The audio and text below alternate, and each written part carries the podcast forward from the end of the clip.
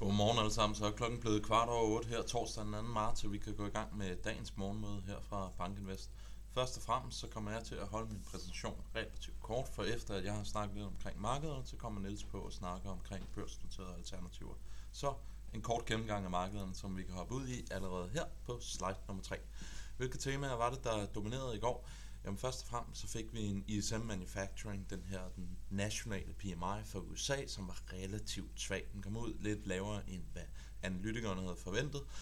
Øh, og endnu mere vigtigt, hvis man går i gang med at se lidt på underkomponenterne, jamen så så vi altså, prices paid steg.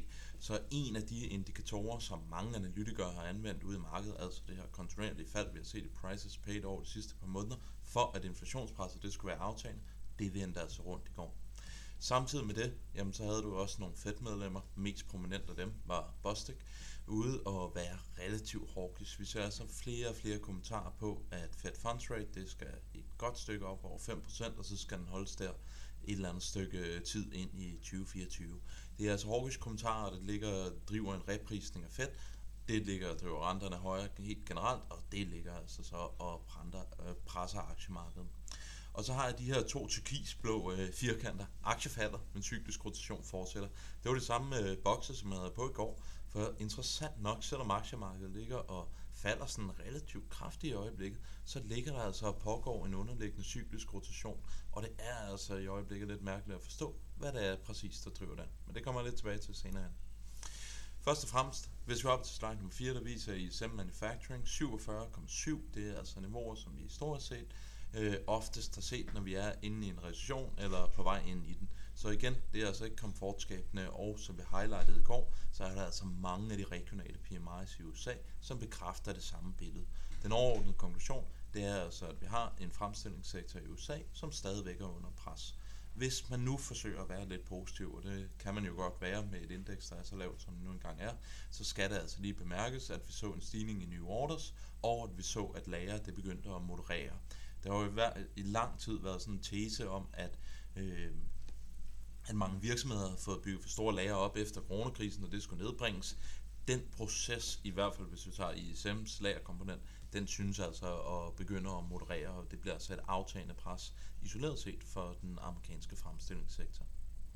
Og her på slide nummer 5, jamen der viser udviklingen i faktorer. Som I kan se, så så vi altså outperformance af cykliske aktier i går relativt til defensive aktier, til trods for at S&P 500 faldt med 0,6%.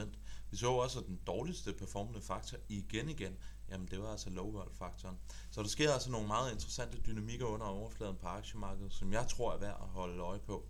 Man kan jo stille alle mulige hypoteser op, hvorfor vi ser den her relativt kraftige cykliske rotation en af dem, jamen det kan jo være et håb om, at det vækstopsving, som vi ser i Kina, som blev semi-bekræftet i går med de kinesiske PMI's, at det kommer til at sprede sig ud over den globale økonomi, og over de kommende par måneder også kommer til at understøtte den amerikanske ja, både fremstillingssektor og vækst øh, i al almindelighed. Hopper vi til slide nummer 6. Nu har vi jo snakket meget teknisk her over de seneste dage, og det kan vi blive ved med.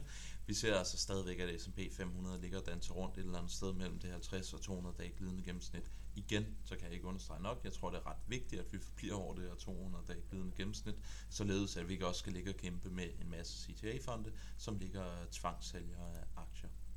Og endelig den sidste graf, jeg har med for i dag, det er prisningen af Fed. Vi ligger nu og priser en Fed Funds Rate Ultimo 2023 5,37. Det er altså relativt høje niveauer. Det er relativt restriktiv pengepolitik, vi ligger priser ind. Man kan jo sige øh, rigtig meget, eller mange ord omkring det her, men en ting er der nok ikke øh, begyndende tvivl om. Hvis vi ender 5,37 på Fed Funds Rate Ultimo 23, så må det altså alt andet lige både presse økonomien, men det må altså også være med til at hæmme det her inflationspres, som vi ser i øjeblikket. Så man kan i hvert fald sige, at markedet det er meget overbevist om, at Fed virkelig vil gøre alt, hvad de kan for at få bekæmpet inflationen.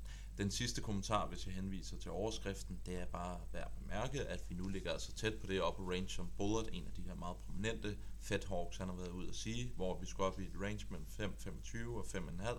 Så vi ligger altså og begynder at prise de mest hawkish Fed medlemmer ind i markedet, så spørgsmålet er, hvor meget højere vi kan gå, i hvert fald for den isolerede 2023 prisning.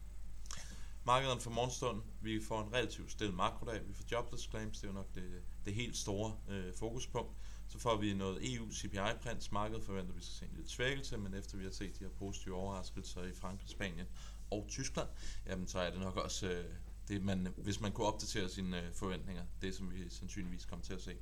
Dansk arbejdsløshed, vi får et ECB-referat for deres seneste rentemøde. Endelig så kan vi bare bemærke, at amerikanske aktiefutures ligger i sådan relativt stort øh, minus i øjeblikket. Med disse ord, jamen, øh, så overlader jeg over til dig, Niels. Kan du overtage styringen?